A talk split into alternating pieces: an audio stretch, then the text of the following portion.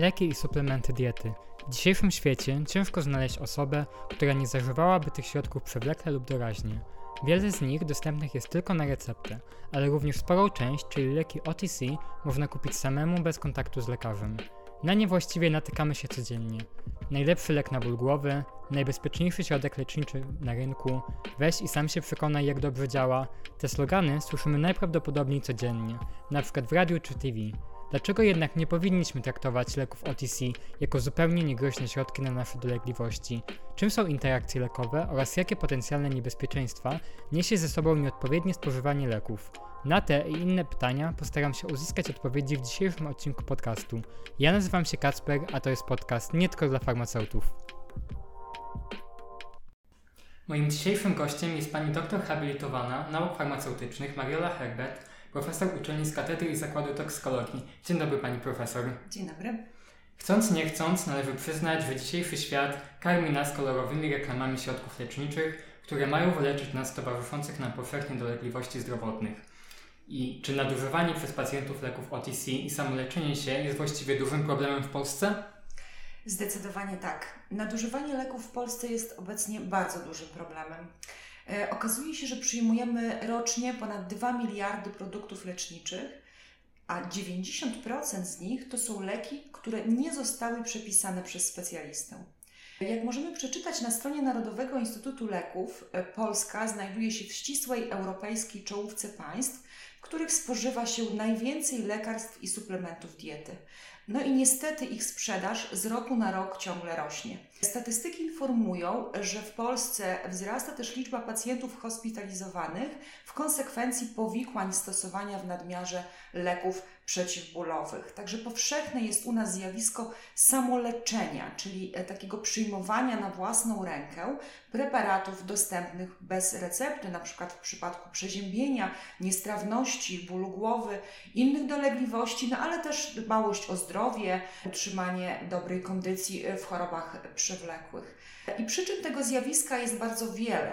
Mamy takie zewnętrzne przyczyny i wewnętrzne. Do tak zwanych zewnętrznych przyczyn zaliczyć możemy niezwykle łatwy dostęp do leków bez recepty, głównie leków przeciwbólowych, przeciwzapalnych, suplementów diety, witamin czy parafarmaceutyków, ale także utrudniony dostęp do lekarza, nierzadko rozciągnięty na miesiące dostęp do specjalistów także niezwykle długi czas oczekiwania na zabiegi specjalistyczne, natarczywe, sugestywne, coraz bardziej wyszukane reklamy leków bez recepty, o których Pan wspomniał, rażąco naruszające zasady prawa i etyki, ale także lansowana e, obecnie moda na przykład na szczupłą czy umieśnioną sylwetkę.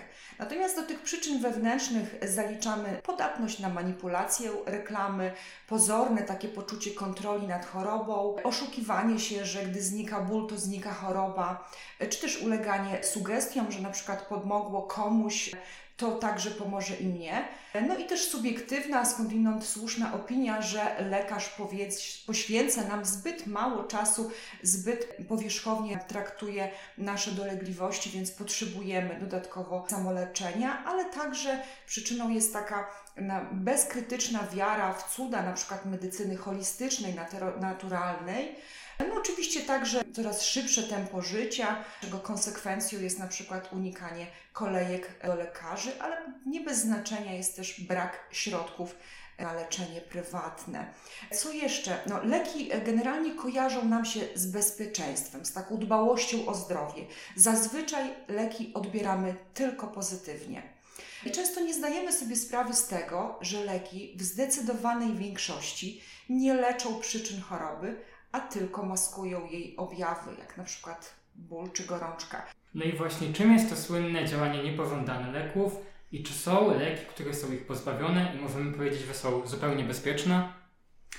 E, zgodnie z definicją, działanie niepożądane leków to jest każde niekorzystne i niezamierzone działanie, które występuje podczas stosowania zalecanych dawek leku u ludzi w celach profilaktycznych, diagnostycznych, leczniczych, ale także dla przywrócenia, poprawienia czy modyfikacji fizjologicznych czynności organizmu. I taka jest właśnie definicja przyjęta przez Światową Organizację Zdrowia. Inne definicje podają, że działania niepożądane leków to są szkodliwe i niezamierzone skutki stosowania leków, które wynikają z ich stosowania w sposób dozwolony jak również stosowanie, wynikają ze stosowania błędnego, czyli poza warunkami określonymi w pozwoleniu na dopuszczenie do obrotu. I nie ma leku, który nie posiada działań niepożądanych. Taki lek nie istnieje. Każdy lek może powodować działania niepożądane, chociaż nie u każdego pacjenta one wystąpią. I mamy niepożądane działania leków, które będą zależały od podanej dawki, i one zwykle są związane z tym podstawowym mechanizmem działania leków, ale też mamy działania niepożądane, niezależne od podanej dawki, lecz od wrażliwości pacjenta dany lek i w tym przypadku nawet najmniejsze dawki leku mogą wywołać niekorzystne reakcje nadwrażliwości, np. pokrzywkę, obrzęk naczynioruchowy wywołany przez niesteroidowe leki przeciwzapalne. Możemy też wyróżnić reakcje nadwrażliwości alergicznej, niealergicznej i wiele, e, i wiele innych. A czym jest interakcja lekowa? No właśnie leki mogą też wchodzić w tak zwane interakcje lekowe i w medycynie określenie interakcja stosuje się wtedy, kiedy jedna substancja lecznicza wpływa na aktywność drugiej po jednoczesnym ich podaniu. I chociaż teoretycznie działanie to może być zarówno pozytywne, jak i negatywne, to jednak my najczęściej określenie to stosujemy do interakcji niepożądanych. Jeżeli pacjent w tym samym czasie zażywa dwa leki, to już występuje klinicznie istotnie ryzyko interakcji. Natomiast jeśli zażywa ich więcej niż 7, to wystąpienie interakcji lekowych jest pewne. Najczęściej konsekwencjami interakcji lekowych niepożądanych jest nasilenie działania niepożądanego, osłabienie działania leku czy wzmocnienie siły działania leku. Przechodząc już do konkretów. Często słyszymy paracetamol, najbezpieczniejszy lek przeciwbólowy. Czy oznacza to, że możemy stosować go jak i kiedy chcemy? Jakie potencjalne niebezpieczeństwa niesie nieprawidłowe stosowanie go i w jakie interakcje z innymi środkami może wchodzić? Rzeczywiście paracetamol jest uznany za bezpieczny lek przeciwbólowy, ale pod pewnymi warunkami. Przede wszystkim tylko wtedy, kiedy przyjmowany jest w dawkach terapeutycznych. Jednorazowa dawka paracetamolu wynosi 1000 mg, maksymalna dobowa 4 gramy. Natomiast po przekroczeniu tej dawki, wtedy kiedy zażyjemy większą ilość paracetamolu niż wskazane, paracetamol nie jest dla naszego organizmu bezpieczny, dlatego że metabolizuje w naszym organizmie, powstaje bardzo toksyczny metabolit, który może uszkodzić naszą wątrobę. Ale jak słusznie Pan zauważył, paracetamol postrzegany jest jako taki lek bardzo bezpieczny i tak też jest reklamowany i postrzegany. Paracetamol bywa zażywany w celu łagodzenia bólu, ale także jest najczęstszym składnikiem mieszanek na przeziębienie, które też wielu pacjentom kojarzą się z taką oranżatką i mogą i myślą, że mogą wypijać w każdej ilości. Tutaj taka ciekawostka może Wiele osób, zwłaszcza osoby młode, myślą, że paracetamol może być zażywany i pomaga w każdym rodzaju bólu. Takie badanie ankietowe przeprowadzone w szkołach wykazało, że e, młode osoby myślą, iż paracetamol pomaga w bólu każdego rodzaju, na przykład kiedy czujemy się źle, bo dostaliśmy słabą ocenę, bo rzucił nas chłopak albo dziewczyna, mamy jakieś problemy w szkole czy problemy w domu, mamy złe samopoczucie i wówczas przyjęcie tabletki paracetamolu pomoże nam, uśmierzy nam ból. No oczywiście jest to nieprawda. Też należy podkreślić, że wzrasta liczba tak zwanych celowych zatruć paracetamolem, ponieważ paracetamol jest lekiem, który służy do podejmowania prób samobójczych, w szczególności wśród osób młodych. Profesor Andrzej Brodkiewicz, kierujący oddziałem klinicznym pediatrii nefrologii dziecięcej dializoterapii i leczenia ostrych zatruć w jednym z wywiadów powiedział, że co półtorej doby mają przyjętego z powodu zatrucia pacjenta, którego motywacją jest chęć popełnienia samobójstwa. Także nastolatki zażywają paracetamol, nie zdając sobie sprawy z tego, jakie mogą być konsekwencje. Oczywiście bardzo ciężkie, nieodwracalne uszkodzenie wątroby, które może doprowadzić do konieczności transplantacji tego narządu. Opowiem też o przypadku chłopaka, którego rzuciła dziewczyna i chłopak ten, ażeby zwrócić jej uwagę na to, jak bardzo czuje się pokrzywdzony, jak bardzo mu na niej zależy, połknął 30 tabletek paracetamolu. Oczywiście doszło u niego do uszkodzenia wątroby. Chłopak czekał na przeszczep i nie mógł uwierzyć w to, co się stało. Lekarzowi prowadzącemu mówił: Panie doktorze, ja nie wierzę w to. Ja celowo przyjąłem paracetamol, ponieważ paracetamol reklamowany jest i postrzegany jako lek bardzo bezpieczny. Ja nie chciałem się zabić, ja chciałem tylko mojej dziewczynie zwrócić uwagę. No niestety chłopak zmarł po kilku miesiącach, nie doczekawszy na przeszczep wątroby. Jeżeli chodzi o interakcję, paracetamol jest metabolizowany przy udziale izoenzymu 1A2 cytochromu P450, dlatego należy ostrożnie kojarzyć go z lekami, które hamują aktywność tego enzymu i to ma szczególne znaczenie praktyczne podczas łącznego stosowania np. z cyprofloksacyną, z tiklopidyną. E, paracetamol zwiększa też nerkowe wydalanie prostaglantyn, zmniejsza aktywność reninową ococza, dla, dlatego może również ograniczać ten efekt moczopędny e, e, pętlowych. Poza tym paracetamol hamuje metabolizm warfaryny, acynakumarolu, nasila ich działanie antykoagulacyjne i zwiększa wtedy ryzyko wystąpienia krwawienia. Także u pacjentek, które przyjmują doustną hormonalną antykoncepcję, może dochodzić do znacznej redukcji czasu działania paracetamolu. No i warto też zwrócić uwagę na interakcję paracetamolu z alkoholem. Nie powinniśmy zażywać paracetamolu po spożywaniu alkoholu. Przechodząc dalej do kolejnych leków, NLPZ, czyli niesteroidowe leki przeciwzapalne. Na rynku obecnie jest bardzo wiele takich środków, jak przykład ibuprofen, ketoprofen, diklofenak czy naproxen. W jakie potencjalne interakcje mogą wchodzić leki z tej grupy, jakie są najczęstsze działania niepożądane i kiedy i u kogo należy szczególnie obawiać ze stosowaniem ich? Rzeczywiście niesteroidowe leki przeciwzapalne to jest obecnie najczęściej stosowana w farmakoterapii bólu grupa leków. I niesteroidowe leki przeciwzapalne stanowią taką niejednorodną chemicznie grupę leków, które posiadają działanie przeciwbólowe, przeciwgorączkowe i przeciwzapalne. I takim najczęstszym błędem występującym w praktyce klinicznej jest stosowanie przez pacjentów, czasami też z zaleceń lekarza, dwóch, a nawet większej ilości niesteroidowych leków przeciwzapalnych w tym samym czasie. Jest to błąd, nie prowadzi do, do synergizmu działania leków, ale znacznie zwiększa ryzyko wystąpienia działań niepożądanych i do takich działań niepożądanych niesteroidowych leków przeciwzapalnych możemy zaliczyć działanie gastrotoksyczne, nefrotoksyczne, hepatotoksyczne, ale także mogą one zwiększać ciśnienie krwi. Natomiast jeśli chodzi o interakcje lekowe, interakcji niesteroidowych leków przeciwzapalnych jest bardzo wiele. Wymienię tutaj kilka. Szczególnie niebezpieczne są interakcje farmakokinetyczne na etapie mm, wypierania z połączeń z białkami, ponieważ leki, niesteroidowe leki przeciwzapalne mają wysokie powinowactwo do białek osocza, wypierają one z połączeń z białkami osocza inne równocześnie przyjęte przez pacjenta leki. Jest to szczególnie niebezpieczne wtedy, kiedy pacjent przyjmuje jednocześnie z niesteroidowymi lekami przeciwzapalnymi doustne leki przeciwcukrzycowe, np. pochodne sulfonylomocznika, leki przeciwzakrzepowe, leki, które posiadają wąski indeks terapeutyczny, czy np. metotreksat.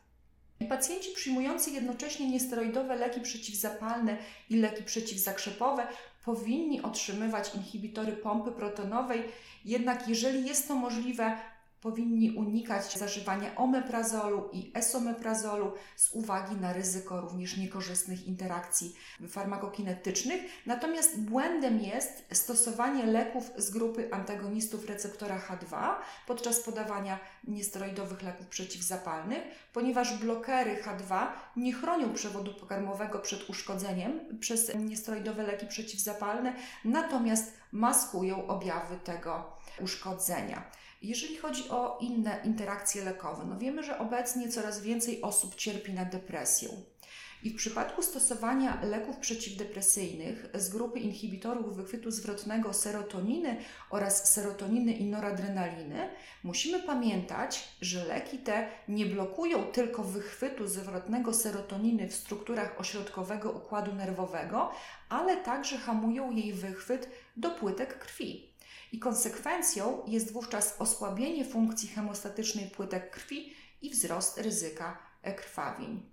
Także należy rozważyć konieczność zastosowania leków przeciwbólowego, niesteroidowego leku przeciwzapalnego, ponieważ pacjenci, którzy otrzymują to skojarzenie inhibitorów wychwytu zwrotnego serotoniny lub serotoniny i noradrenaliny z niesteroidowymi lekami przeciwzapalnymi również powinni stosować inhibitory pompy protonowej. Także taką ostrożność przy zażywaniu niesteroidowych leków przeciwzapalnych należy zachować u pacjentów z uszkodzeniem wątroby, ponieważ leki te mogą indukować stres oksydacyjny w hepatocytach, mogą uszkadzać mitochondria i również mogą kierować hepatocyty na drogę apoptozy. E, co jeszcze bardzo ważne, e, niesteroidowe leki przeciwzapalne to jest grupa leków, które są bardzo chętnie zażywane przez osoby w wieku podeszłym, a niestety u pacjentów powyżej 65 roku życia już należy bardzo ostrożnie te leki stosować, a także bardzo ostrożnie łączyć na przykład z inhibitorami konwertazy angiotensyny czy z diuretykami pętlowymi, gdyż skojarzenie takie bardzo często u tych pacjentów prowadzi do pogorszenia funkcji nerek. Również niekorzystne interakcje niesteroidowych leków przeciwzapalnych dotyczyć będą także pacjentów, którzy przyjmują jednocześnie leki beta-adrenolityczne. Hamując uwalnianie reniny, niesteroidowe leki przeciwzapalne zmniejszają bowiem skuteczność tych leków. Co jeszcze ważnego? Podczas jednoczesnego stosowania np. ibuprofenu, diklofenaku czy naproxenu występuje osłabione działanie przeciwpłytkowe kwasu acetylosalicylowego. Leki te modyfikują bowiem acetylację syryny przez kwas acetylosalicylowy, ale też nasilają e, krwawienie. Z kolei kojarzenie niesteroidowych leków przeciwzapalnych ze spironolaktonem może powodować aż siedmiokrotny wzrost ryzyka krwawienia z przewodu pokarmowego. Na koniec warto też wspomnieć o niebezpiecznych interakcjach niesteroidowych leków przeciwzapalnych z suplementami diety, które na przykład zawierają wyciągi z miłożębu japońskiego, z żeńszenia, czosnku, e, czy też suplementami zawierającymi kwasy omega-3 Także takie interakcje pomiędzy właśnie wymienionymi wyciągami roślinnymi i niesteroidowymi lekami przeciwzapalnymi mogą skutkować wzrostem ryzyka wystąpienia krwawień z przewodu pokarmowego. Innym niebezpieczeństwem związanym z nadużywaniem leków OTC może być zjawisko, jakim jest uzależnienie. Czym ono właściwie jest? Rzeczywiście czasy, w których obecnie żyjemy, wymagają od nas tego, byśmy działali w pośpiechu takie wyzwania dnia codziennego związane z pracą, z nauką, z codziennymi obowiązkami domowymi, to są czynniki, które sprawiają, że nie możemy sobie pozwolić na jakieś ograniczenia, jakim jest na przykład ból, e, sen czy złe samopoczucie. I to szybkie tempo życia, chroniczny stres czy natłok obowiązków są przyczyną wielu zaburzeń i chorób cywilizacyjnych. Na przykład u dorosłych, ale również u młodzieży pojawiają się schorzenia układu sercowo-naczyniowego, pokarmowego. Odnotowujemy coraz więcej chorób psychicznych w postaci nerwicy czy depresji. U wielu pacjentów pojawiają się zaburzenia snu, zaburzenia lękowe. No i te dolegliwości sprawiają, że sięgamy po leki, a te stosowane niezgodnie z zaleceniami lekarza czy ze wskazaniami mogą wywołać zależność lekową. I w ostatnich latach ta lekozależność niestety plasuje się w czołówce nałogów i staje się jednym z najgroźniejszych uzależnień. Lekomania, określana również jako zależność lekowa czy lekozależność, jest to nic innego jak uzależnienie od leków, uzależnienie od środków farmaceutycznych. I nauk ten, podobnie jak każdy inny, jest medycznie diagnozowany i kwalifikowany jako choroba. W jaki sposób my się możemy uzależnić? E, na kilka sposobów. Możemy uzależnić się zupełnie przypadkiem, zażywając na przykład leki przeciwbólowe, leki nasenne, leki uspokajające, bo po prostu ich potrzebujemy i nie wiemy o ich potencjale uzależniającym. Albo też zażywamy te leki, wiemy, że wykazują potencjał uzależniający, ale w danym momencie nie zwracamy na to uwagi, bo w tej chwili liczy się tylko dla nas osiągnięcie pożądanego efektu. Ale uzależnić możemy się też zażywając leki w celach pozamedycznych, czyli na przykład w celach odurzających, w celach euforyzujących. I tutaj mm, są osoby, które w tym celu zażywają na przykład leki przeciwkaszlowe, leki na przeziębienie, ale też leki o działaniu przeciwzapalnym, przeciwwymiotnym, przeciwbiegunkowym. Uzależnić możemy się zażywając leki w celach pozamedycznych, takich jak psychostymulujące, mm, leki nootropowe, nazywane również lekami prokognitywnymi, czyli substancje, których zadaniem jest poprawa funkcji poznawczych czy pozytywny wpływ na pamięć, koncentrację, ale one także posiadają potencjał uzależniający. I to długotrwałe zażywanie leków, które przyjmowane są zazwyczaj w zbyt dużych dawkach i też bardzo często bez wskazań lekarza, powoduje zmianę naszego zachowania i może prowadzić do rozwoju silnego uzależnienia. Uzależnienia psychicznego, czyli takiej nieodpartej chęci, potrzeby sięgania po kolejną dawkę leku, ale również uzależnienia fizycznego, które manifestuje się wystąpieniem tak zwanych objawów abstynencyjnych w momencie, kiedy zaprzestaniemy zażywać dany lek. I z tego też powodu lekoman nie jest w stanie przerwać zażywania środków farmaceutycznych leków, ponieważ wraz z próbą odstawienia albo też znacznego ograniczenia przyjmowania leków pojawiają się u niego bardzo nieprzyjemne objawy zespołu abstynencyjnego drżenia, drgawki, silne bóle głowy, bezsenność, drażliwość, nerwowość, agresja. Przyjmując leki o potencjale uzależniającym zbyt długo albo w zbyt wysokich dawkach, może się u nas też rozwinąć zjawisko tzw. Tak tolerancji. Czyli w miarę rozwoju uzależnienia pacjent musi przyjmować coraz większe dawki leku dla otrzymania pożądanego takiego samego efektu. Tutaj Rekordzistami są pacjenci, którzy zażywają na przykład leki uspokajające czy nasenne w ilościach kilkuset tabletek dziennie. Są pacjenci, którzy przyjmują co godzinę 10 tabletek. Nasila to niebezpieczeństwo przedawkowania leków i oczywiście wystąpienia ich działań niepożądanych. Takie ilości mogą prowadzić do wystąpienia objawów i zatrucia i nawet śmierci. I ten problem lekomanii, o którym mówimy, może pojawić się w każdej grupie wiekowej, jednak coraz powszechniejszym i takim niepokojącym zjawiskiem jest lekomania wśród młodzieży. Młodzi ludzie eksperymentują bowiem z tanimi, łatwo dostępnymi e, substancjami, które zastępują narkotyki. I lekarze przyznają, że mm, na oddziały trafiają często bardzo młode osoby w ciężkim stanie, u których występują zawroty głowy, utrata przytomności, torsje, zdarza się też niepamięć wstecznia. Następnego dnia ci pacjenci informują, że zażyli zwiększoną dawkę danego leku, ponieważ słyszeli, że po tym leku jest fajne uczucie.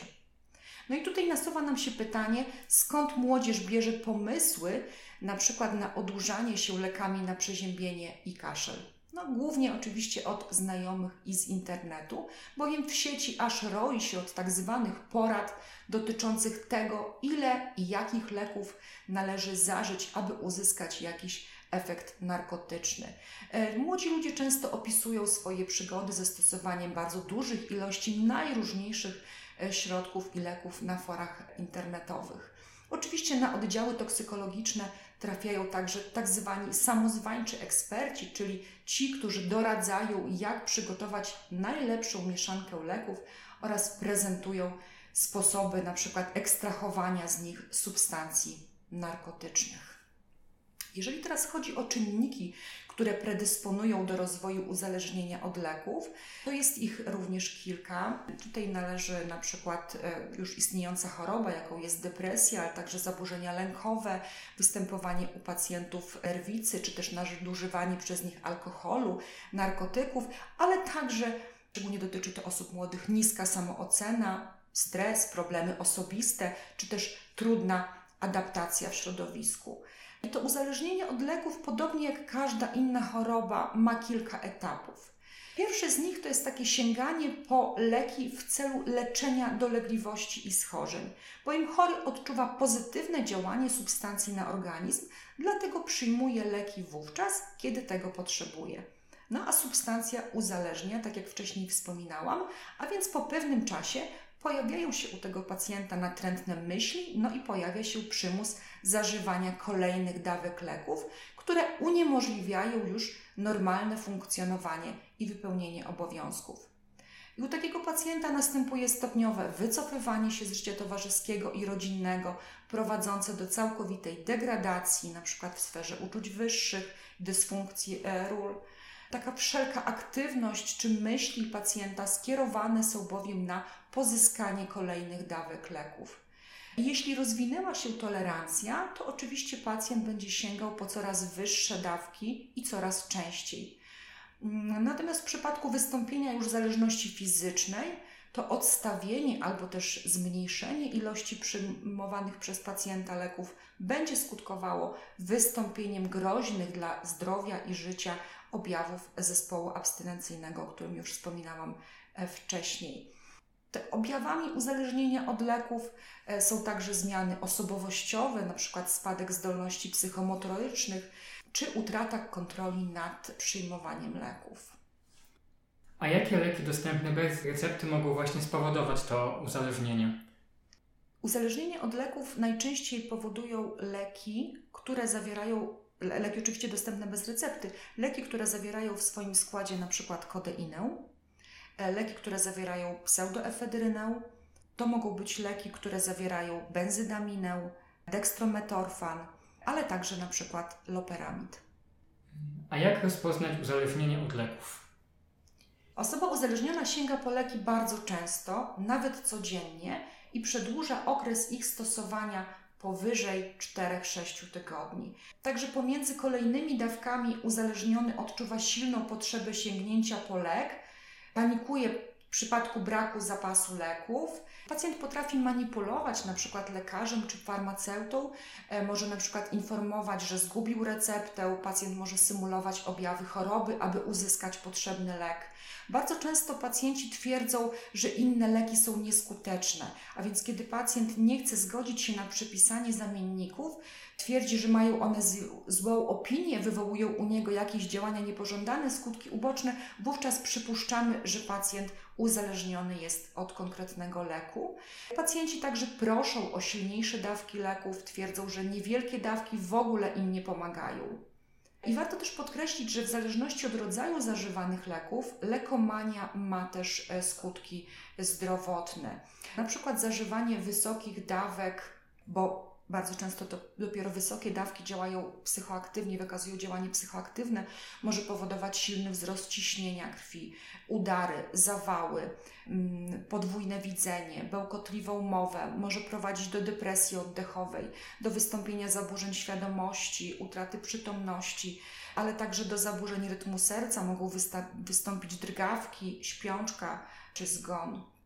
Lekomania może także powodować zaburzenia psychosomatyczne, wahania nastroju, mogą także pojawić się problemy z koncentracją, z pamięcią, mogą wystąpić choroby psychiczne, mogą, może się też pojawić zaostrzenie chorób psychicznych, np. depresja, schizofrenia.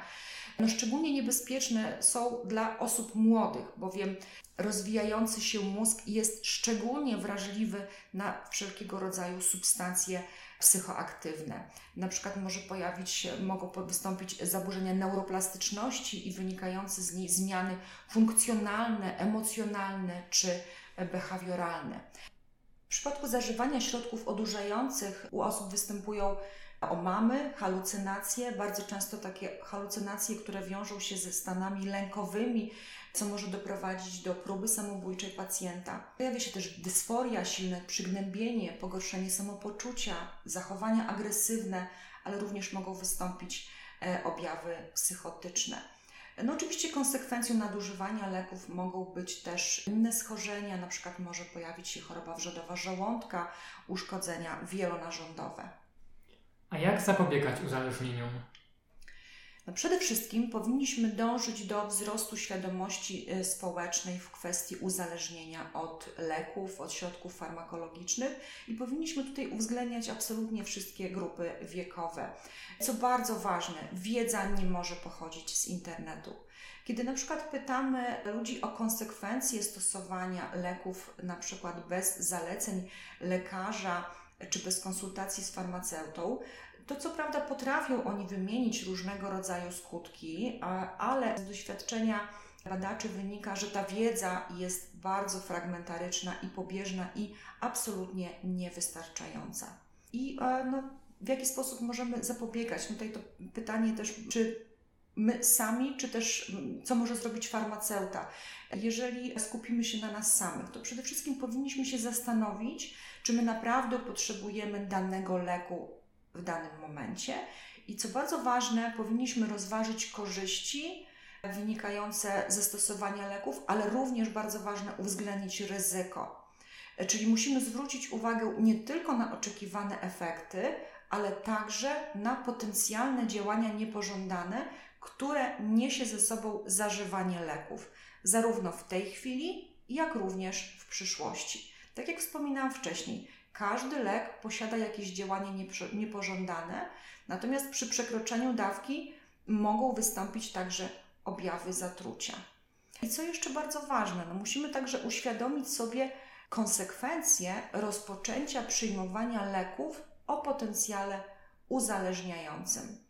Nie zastanawiamy się często nad tym, jakie mogą być, jaką mogą pojawić się konsekwencje w przyszłości. Wiedząc o tym, że bardzo wiele leków prowadzi do rozwoju tolerancji, uzależnienia psychicznego i fizycznego. Musimy mieć świadomość, że z czasem pojawi się potrzeba zwiększania dawek dla osiągnięcia pożądanego efektu, a wyjście z nałogu będzie możliwe tylko i wyłącznie w przypadku podjęcia leczenia, bowiem tutaj silna wola nie wystarczy. I co jeszcze ważne, no powinniśmy pamiętać o tym, że jeżeli zażywamy leki w celach pozamedycznych, czyli na przykład w celach odurzających, celach psychostymulujących, to w zasadzie zażywamy narkotyki. Tymczasem ja już wspominałam o badaniach ankietowych mm, przeprowadzonych wśród młodzieży. One ujawniły, że młodzież uważa, iż leki zażywane niezależnie od tego, w jakim celu, nie są narkotykami. Zażywanie leków nigdy nie jest, według młodzieży, narkotyzowaniem się, nawet jeżeli przyjmują leki w zastępstwie substancji narkotycznych. I leki zawsze młodzieży, zwłaszcza kojarzą się jako leki bezpieczne, jako coś bezpiecznego. E, uważają, że ponieważ leki dostępne są bez recepty, to bez względu na przyjętą dawkę nie mogą spowodować u nas objawów zatrucia, a już na pewno nie zgonu, e, dlatego że no, są one dostępne bez recepty. Tłumaczenie jest takie: jeżeli lek byłby dostępny, na, na, leki dostępne na receptę są lekami dla nas, które mogą stanowić jakieś zagrożenie, natomiast leki, które są dostępne bez recepty, są bezpieczne. Oczywiście jest to absolutną nieprawdą. No tutaj też bardzo duża jest rola farmaceutów w zapobieganiu lekomanii, rozwoju uzależnień lekowym czy nadużywaniu leków. Przede wszystkim musimy pamiętać o tym, że powinniśmy z pacjentem przeprowadzić wywiad, zapytać pacjenta, w jakim celu chce zakupić lek i czy rzeczywiście lek jest wskazany i potrzebny, czy pacjent powinien ten lek zażywać. Co bardzo ważne, powinniśmy poinformować pacjenta o zagrożeniach jakie niesie e, zażywanie leków, czyli na przykład o działaniach niepożądanych, o ryzyku zatrucia, ryzyku uzależnienia, czyli o konsekwencjach dla e, zdrowia i życia. Bardzo ważne, żeby informować pacjentów w przypadku niektórych leków, że nie należy przekraczać czy właściwie w przypadku każdych leków, tak, że nie należy przekraczać lub zwiększać we własnym zakresie dawek, ale też nie wolno przedłużać czasu zażywania leków. Mm, natomiast jeżeli pacjent e, będzie się skarżył na gorsze działanie leków, powinniśmy go poinformować, że może to oznaczać, iż jego organizm już przyzwyczaił się do leku i w organizmie tego pacjenta rozwinęła się tolerancja. A więc pacjent wtedy powinien udać się do lekarza, e, jeżeli to lekarz zalecił przyjmowanie leków. No i co bardzo ważne, powinniśmy też zwrócić uwagę na potencjalne interakcje lekowe, jeżeli pacjent zażywa więcej niż jeden lek. A co zrobić, kiedy podejrzewamy, że jesteśmy już uzależnieni od jakiegoś leku? Jeżeli podejrzewamy, że jesteśmy uzależnieni od jakiegoś leku, to absolutnie powinniśmy się udać do specjalisty. Oczywiście psychoterapia i farmakoterapia bardzo często będzie wskazana. Jeżeli chodzi o mm, farmakoterapię, to tutaj stosuje się bardzo często leczenie substytucyjne. Ten poziom świadczeń i liczba placówek, w których obecnie można uzyskać profesjonalną, kwalifikowaną pomoc, e, jest duża. Podsumowując, leki to niewątpliwie świetne środki, które pomagają nam w wielu dokuczających dolegliwościach zdrowotnych. Należy mieć jednak świadomość, że środków dostępnych bez recepty nie należy traktować jak słowiowe cukierki i brać ich bez opamiętania, bo może to wyrządzić nam więcej szkody niż pożytku.